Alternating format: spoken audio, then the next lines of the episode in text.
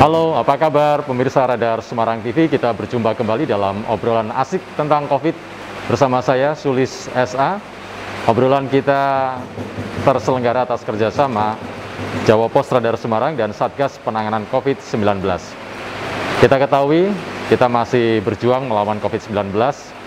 Dampak COVID sampai sekarang juga masih terasa, meskipun kita sudah mulai bangkit, khususnya dari sisi uh, sektor ekonomi kita ketahui salah satu yang terdampak akibat COVID-19 ini pandemi adalah sektor bisnis, usaha, UMKM.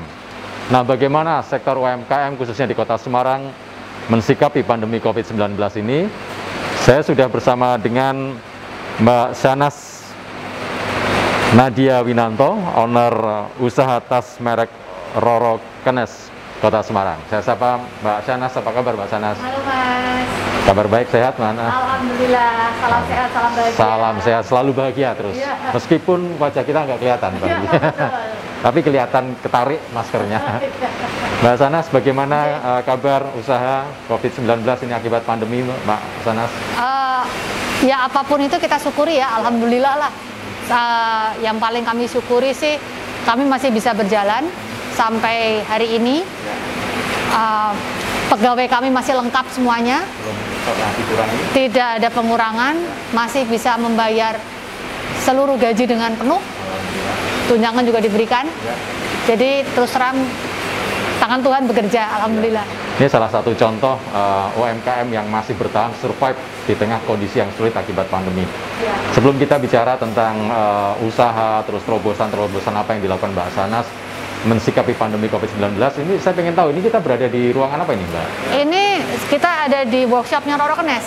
Workshop Roro Kenes. Iya betul. Nah kalau boleh tahu ini Roro Kenes ini kan brand ya merek Iya, tas betul, ya. iya. Bisa diinformasikan ini juga ke pemirsa Radar Semarang TV. Oh, Oke, jadi uh, Roro Kenes itu adalah artisan tas dari Semarang Ya.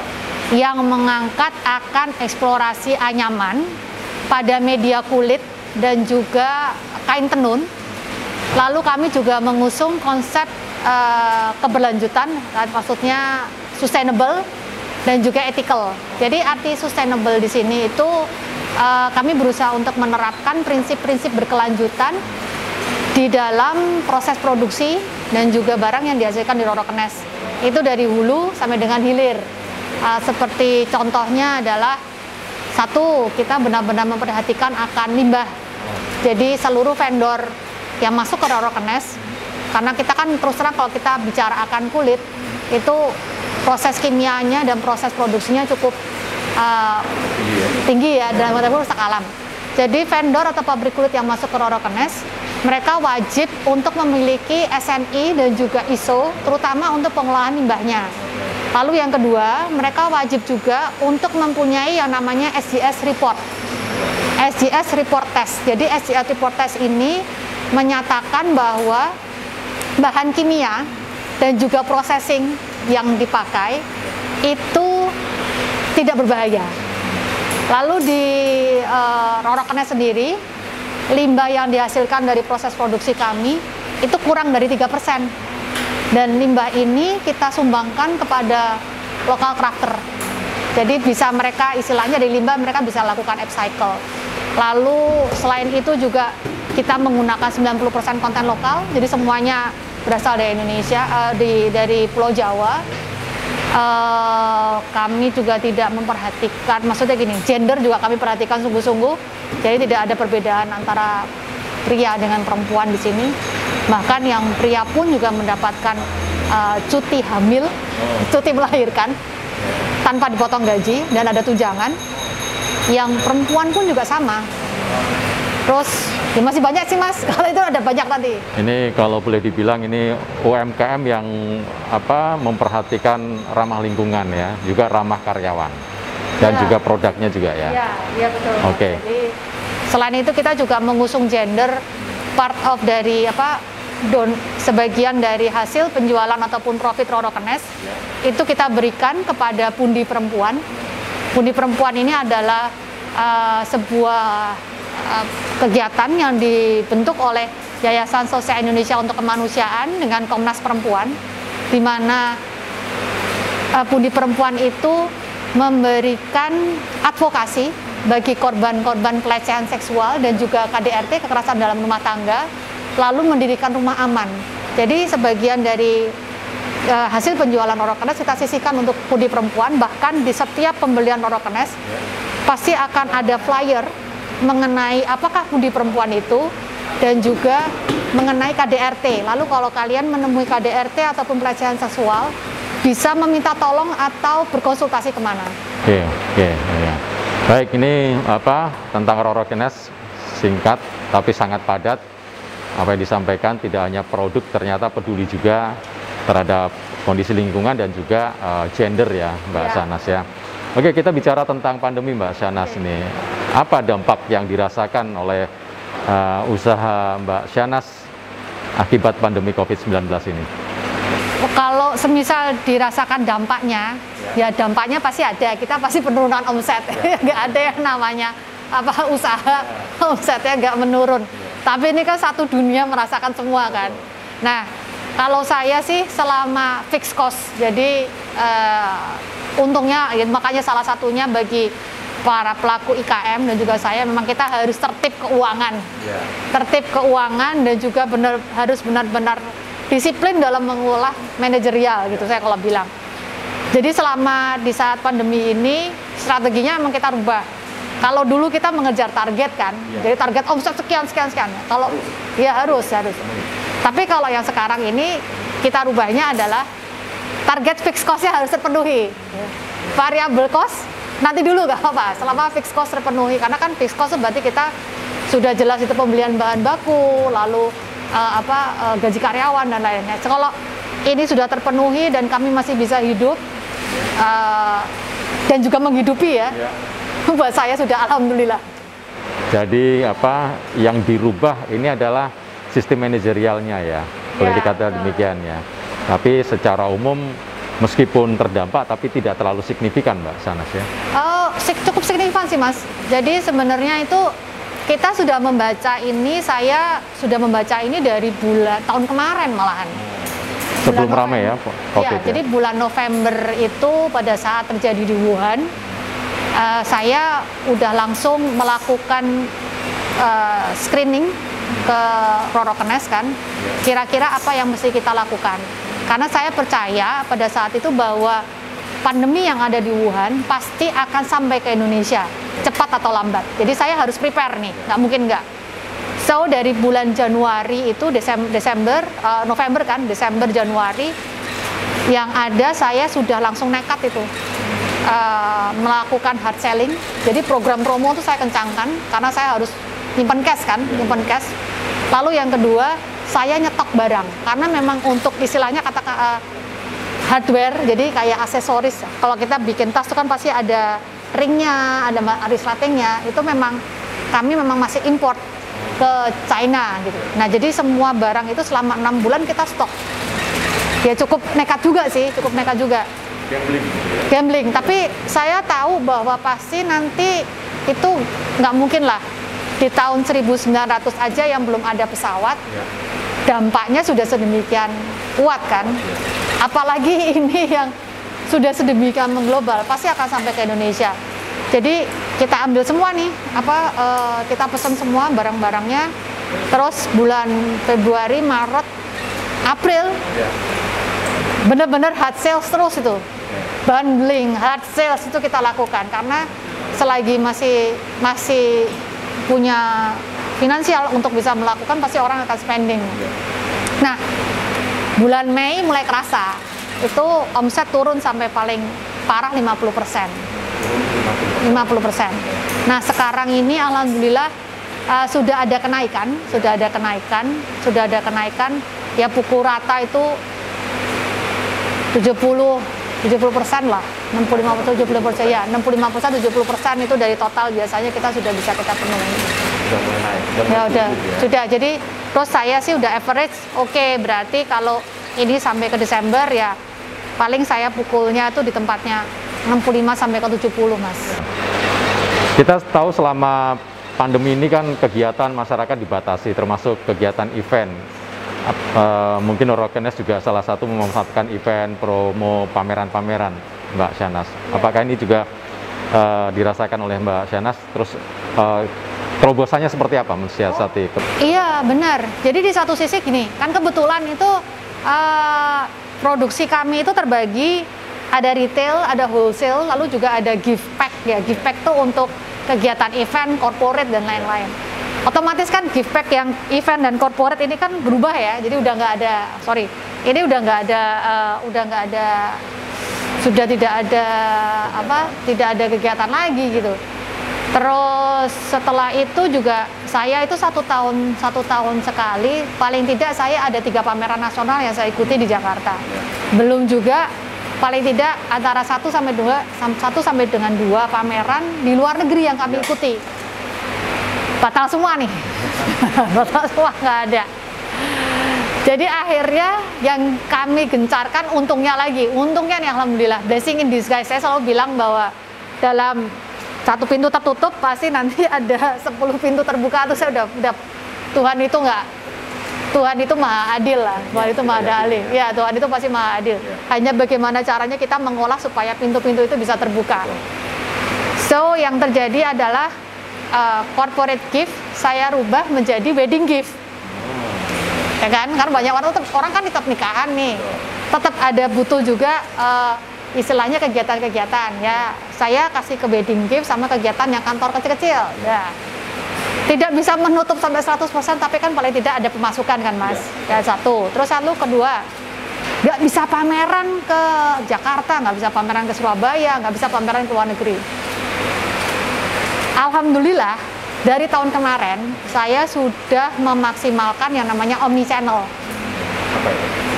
Jadi omni channel ini uh, konektivitas koneksi di uh, dari uh, Instagram sosial media Instagram Facebook yeah. website YouTube LinkedIn yeah. terus kita push pakai search uh, Google My Business lalu kita push pakai search engine optimizing optimizing dan search engine marketing dan ternyata ataupun jalan yang kita buat dari tahun kemarin dari bulan Agustus September itu berefek sekali. Saya totally 90% penjualan semuanya dari media, dari digital media. Uh, gimana caranya itu tadi? Uh, saya belum malah, saya terus terang malah belum masuk ke marketplace.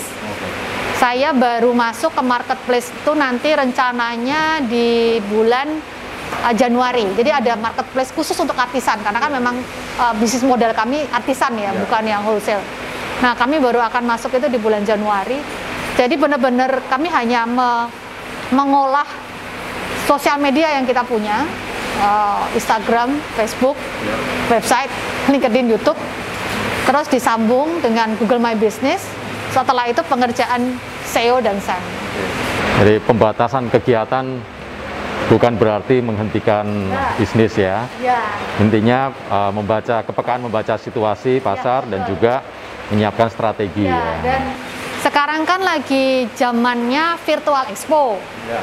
Virtual expo, fashion show virtual dan lain-lain. Nah, alhamdulillah lagi nih Mas, makanya kan sebenarnya tuh Covid ya di satu sisi mengajak kita untuk belajar be, menjadi lebih kritis dan kreatif. Ya Uh, saya termasuk di salah saya termasuk salah satu UKM mitra Bank Indonesia. Uh, di saat ini kan Bank Indonesia dan juga pemerintah ngepus banget ya nih ya, ngepus banget untuk adanya berbagai macam kegiatan virtual dan juga pelatihan. So yang terjadi di sini saya nyemplung ke semuanya mas, saya nyemplung ke semuanya, termasuk juga karyawan ini saya ikutkan setiap kali ada webinar atau lain mereka ikut. Yang di atas khusus untuk marketing sama customer service juga saya ikutin tahun ini tuh saya alhamdulillah ya. kami ya Roro Kenes jangan saya Roro Kenes alhamdulillah terpilih menjadi salah satu member dari IKRA Industri Kreatif Syariah Indonesia yang pemilihannya dilakukan juga by online ya. dan virtual kurasinya proses kurasinya dan itu cukup ketat hanya ada 80 tahun ini uh, mereka baru berjalan tiga tahun. Setiap tahunnya mereka hanya mengambil sekitar 80 IKM seluruh Indonesia. Dari situ kemudian kita digodok, kita digodok lagi secara intensif. Sekolah. Nah, sekolahnya menyenangkan lagi nih, dilakukan dengan Zoom, online kan? Online, online. Semua, tiga minggu. Dan itu benar-benar dikucek lah, dikucek habis. Yang ikut karena ini Zoom, ya. ikut bukan cuma saya aja, tapi tim marketing, tim customer service yang di atas, tim produksi, saya ikutin. Jadi kan kita bisa dapat pemahaman yang baru lagi nih. Udah.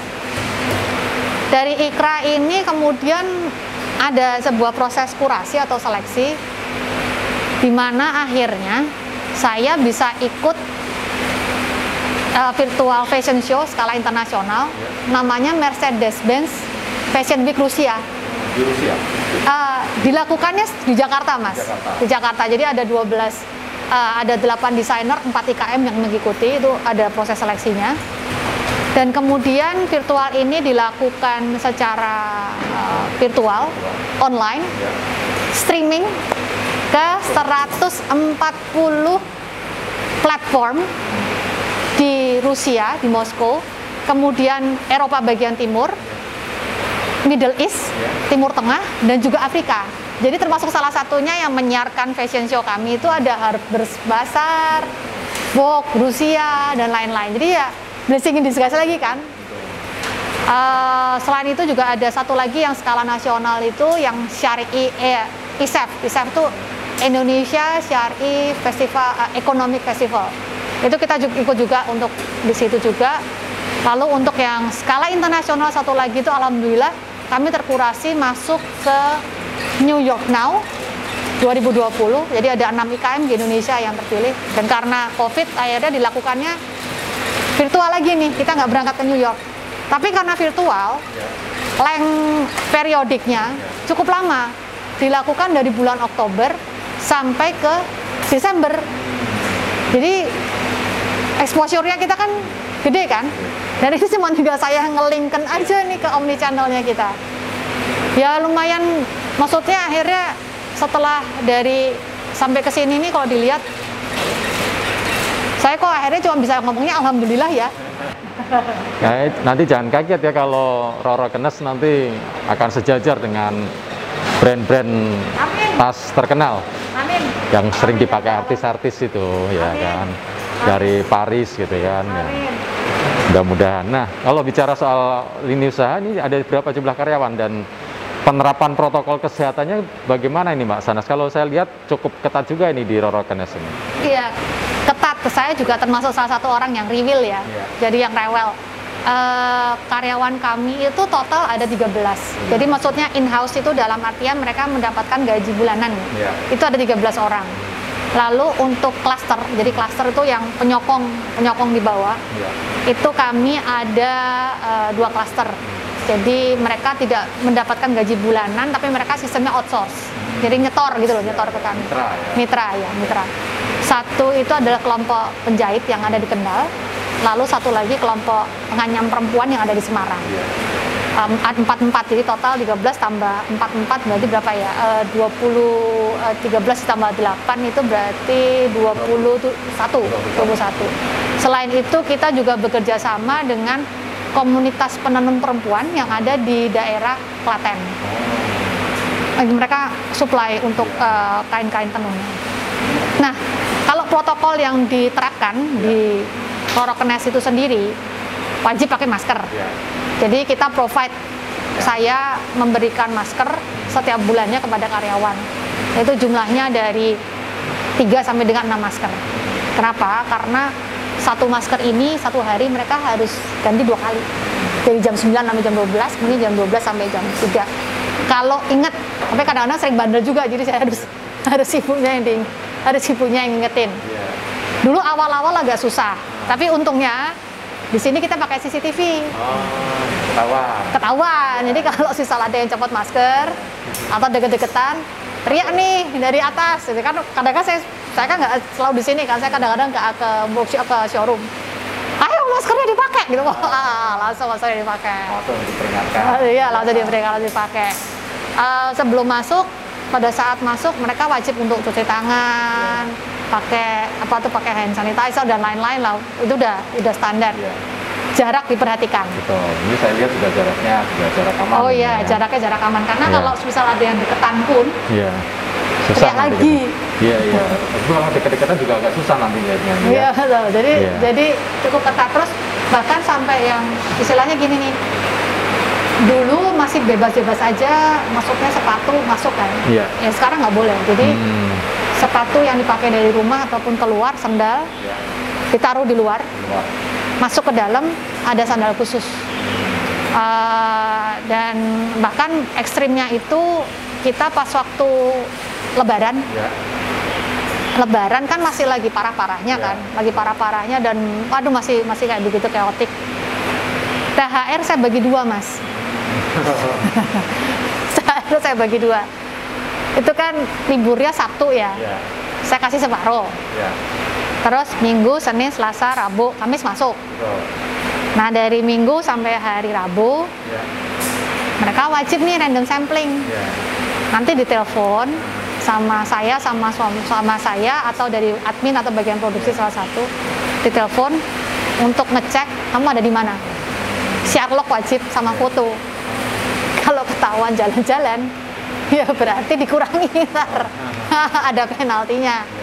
Tapi kalau semisal mereka apa eh, patuh, Ya. ya separuh THR kan diberikan di hari Kamis, Ya.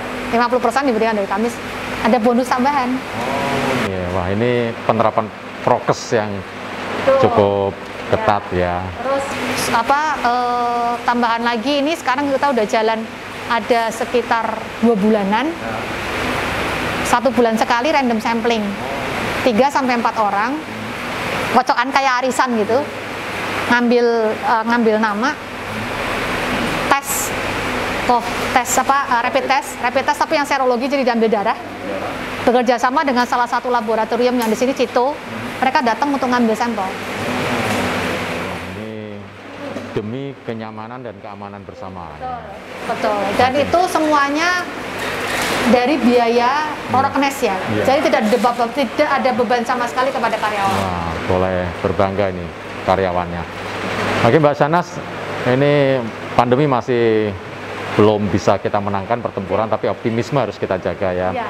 Ini saran eh, Mbak Shanas untuk pelaku UMKM, khususnya di kota Semarang, mensikapi kondisi pandemi ini agar minimal bisa tetap bertahan survive. Syukur seperti Roro Kenes mulai tumbuh, merangkak naik. Eh, pesannya saya sih gini, nangis gak apa-apa, nangis gak apa-apa, teriak-teriak gak apa-apa. Karena temennya banyak, satu dunia ya tidak dilarang, satu dunia seperti itu. Tapi kemudian setelah habis tangismu, habis teriakmu, berjalanlah gitu. Berjalanlah, berpikir tenang, berjalan berpikir tenang, dan kemudian apa ya istilahnya ya, eh, kita bangkit dan berjalan karena kehidupan itu kan tidak berhenti, harus tetap. Kalau semisal istilahnya habis itu ngelokro bahasa Jawanya ya, ngelokro ya nggak survive ya. Lah makanya saya tuh kalau selalu bilang temennya banyak gitu loh, temennya banyak jadi nggak perlu Meratapi terus menerus. buat apa? Jangan meratap terus menerus. Iya boleh nangis tapi Iya, iya betul. Karena eh, terus lagi juga saya tuh paling gini, pemerintah memang wajib untuk membantu karena itu Ya. memang adalah tugas pemerintah. Ya. Tapi kemudian kembali lagi kehidupan itu kan bergantung kepada diri kita sendiri kan. Betul. So ada bantuan tidak ada bantuan, tetap kita harus survive. Harapan untuk pemerintah apa ini Mbak Shanas, khususnya terkait pandemi COVID-19 ini? Data. Data, karena kejelasan data itu sangat kami perlukan untuk bisa mem- membuat analisa dan kemudian membuat strategi ke depannya. Jadi kalau semisal eh, datanya itu benar dan satu pintu gitu, satu benar dan satu eh, nggak gesehnya nggak banyak ya mas, terus satu pintu, saya bisa membaca, bisa membaca, oh iya nih berarti persiapanku, karena ini kan udah masuk uh, Q4 ya nih ya, Q3 udah selesai, masuk ke Q4. Oke, berarti paling tidak di 2021 nanti saya harus melakukan strategi apa? Dan saya terus terang malah kalau ditanya ada yang butuh bantuan finansial ataupun lain-lainnya, Alhamdulillah sih kita sudah dapat mas. Jadi sudah dapat bukan berarti pemerintah ngasih uang ke saya enggak loh ya. Tapi dengan banyaknya program kayak yang seperti tadi itu virtual, webinar itu sangat membantu karena upscaling. Yeah. Saya lebih senang investasi leher ke atas nih. Itu nggak akan lari. Terus yang kedua, saya uh, Rora Kenes sendiri juga mendapatkan fasilitasi uh, subsidi bunga kur. Jadi juga cukup membantu itu alhamdulillah. Lalu juga ada subsidi bunga pajak yang kita bisa katakan bahwa ini tepat sasaran ya. karena kan langsung bisa terlihat datanya jelas ada di OJK ada di Bank Indonesia ada langsung direct mas ya. pembayarannya ke situ gitu jadi dana yang keluar pun kan juga istilahnya nggak is, uh, kadang-kadang ada sih yang saya tahu bahwa akhirnya kemudian dana itu dipakai untuk konsumsi pribadi kan ini kan berarti mengurangi uh, mengurangi apa mengurangi ya mengurangi beban bagi IKM, ya. terus di satu sisi juga prudence dalam artian tepat sasaran. Ya. Nah itu itu terus uh, kalau bisa sih saya harapan saya tahun depan diterusin lagi ya, ya. program pengurangan biaya kur dan juga subsidi pajak ini diteruskan lagi. Terus sama satunya lagi adalah data. Oke. Baik, Mbak Shanas, terima kasih waktunya sudah berbincang-bincang bersama kami. Oke. Maju terus, Rorokenes, mudah-mudahan tahun depan dengan strategi yang tepat kita akan bisa melihat bahwa ada salah satu brand tas dari Semarang yang sejajar Amin. dengan brand-brand yang sudah terkenal. Ya. Alhamdulillah tahun ini juga alhamdulillah kami uh, akhir November ini awal Desember kami terdisplay di Orchard Singapura. Oke, wow. ya, sudah go internasional. Amin, amin, amin. Baik. Baik, terima kasih. Sukses Mbak Sanas. Pemirsa Radar Semarang TV, demikian perbincangan kita bersama dengan Mbak Shanas Nadia Winanto, owner usaha tas merek Roro Kenes. Lokasinya ada di kawasan Bukit Sari, Semarang Selatan. Sebelum kita akhiri perbincangan kita pada kesempatan kali ini, saya ingatkan Anda untuk selalu ingat ingat pesan Ibu, jaga jarak, memakai masker, dan memakai atau mencuci tangan kita dengan menggunakan sabun. Saya Sulis terima kasih, salam sehat.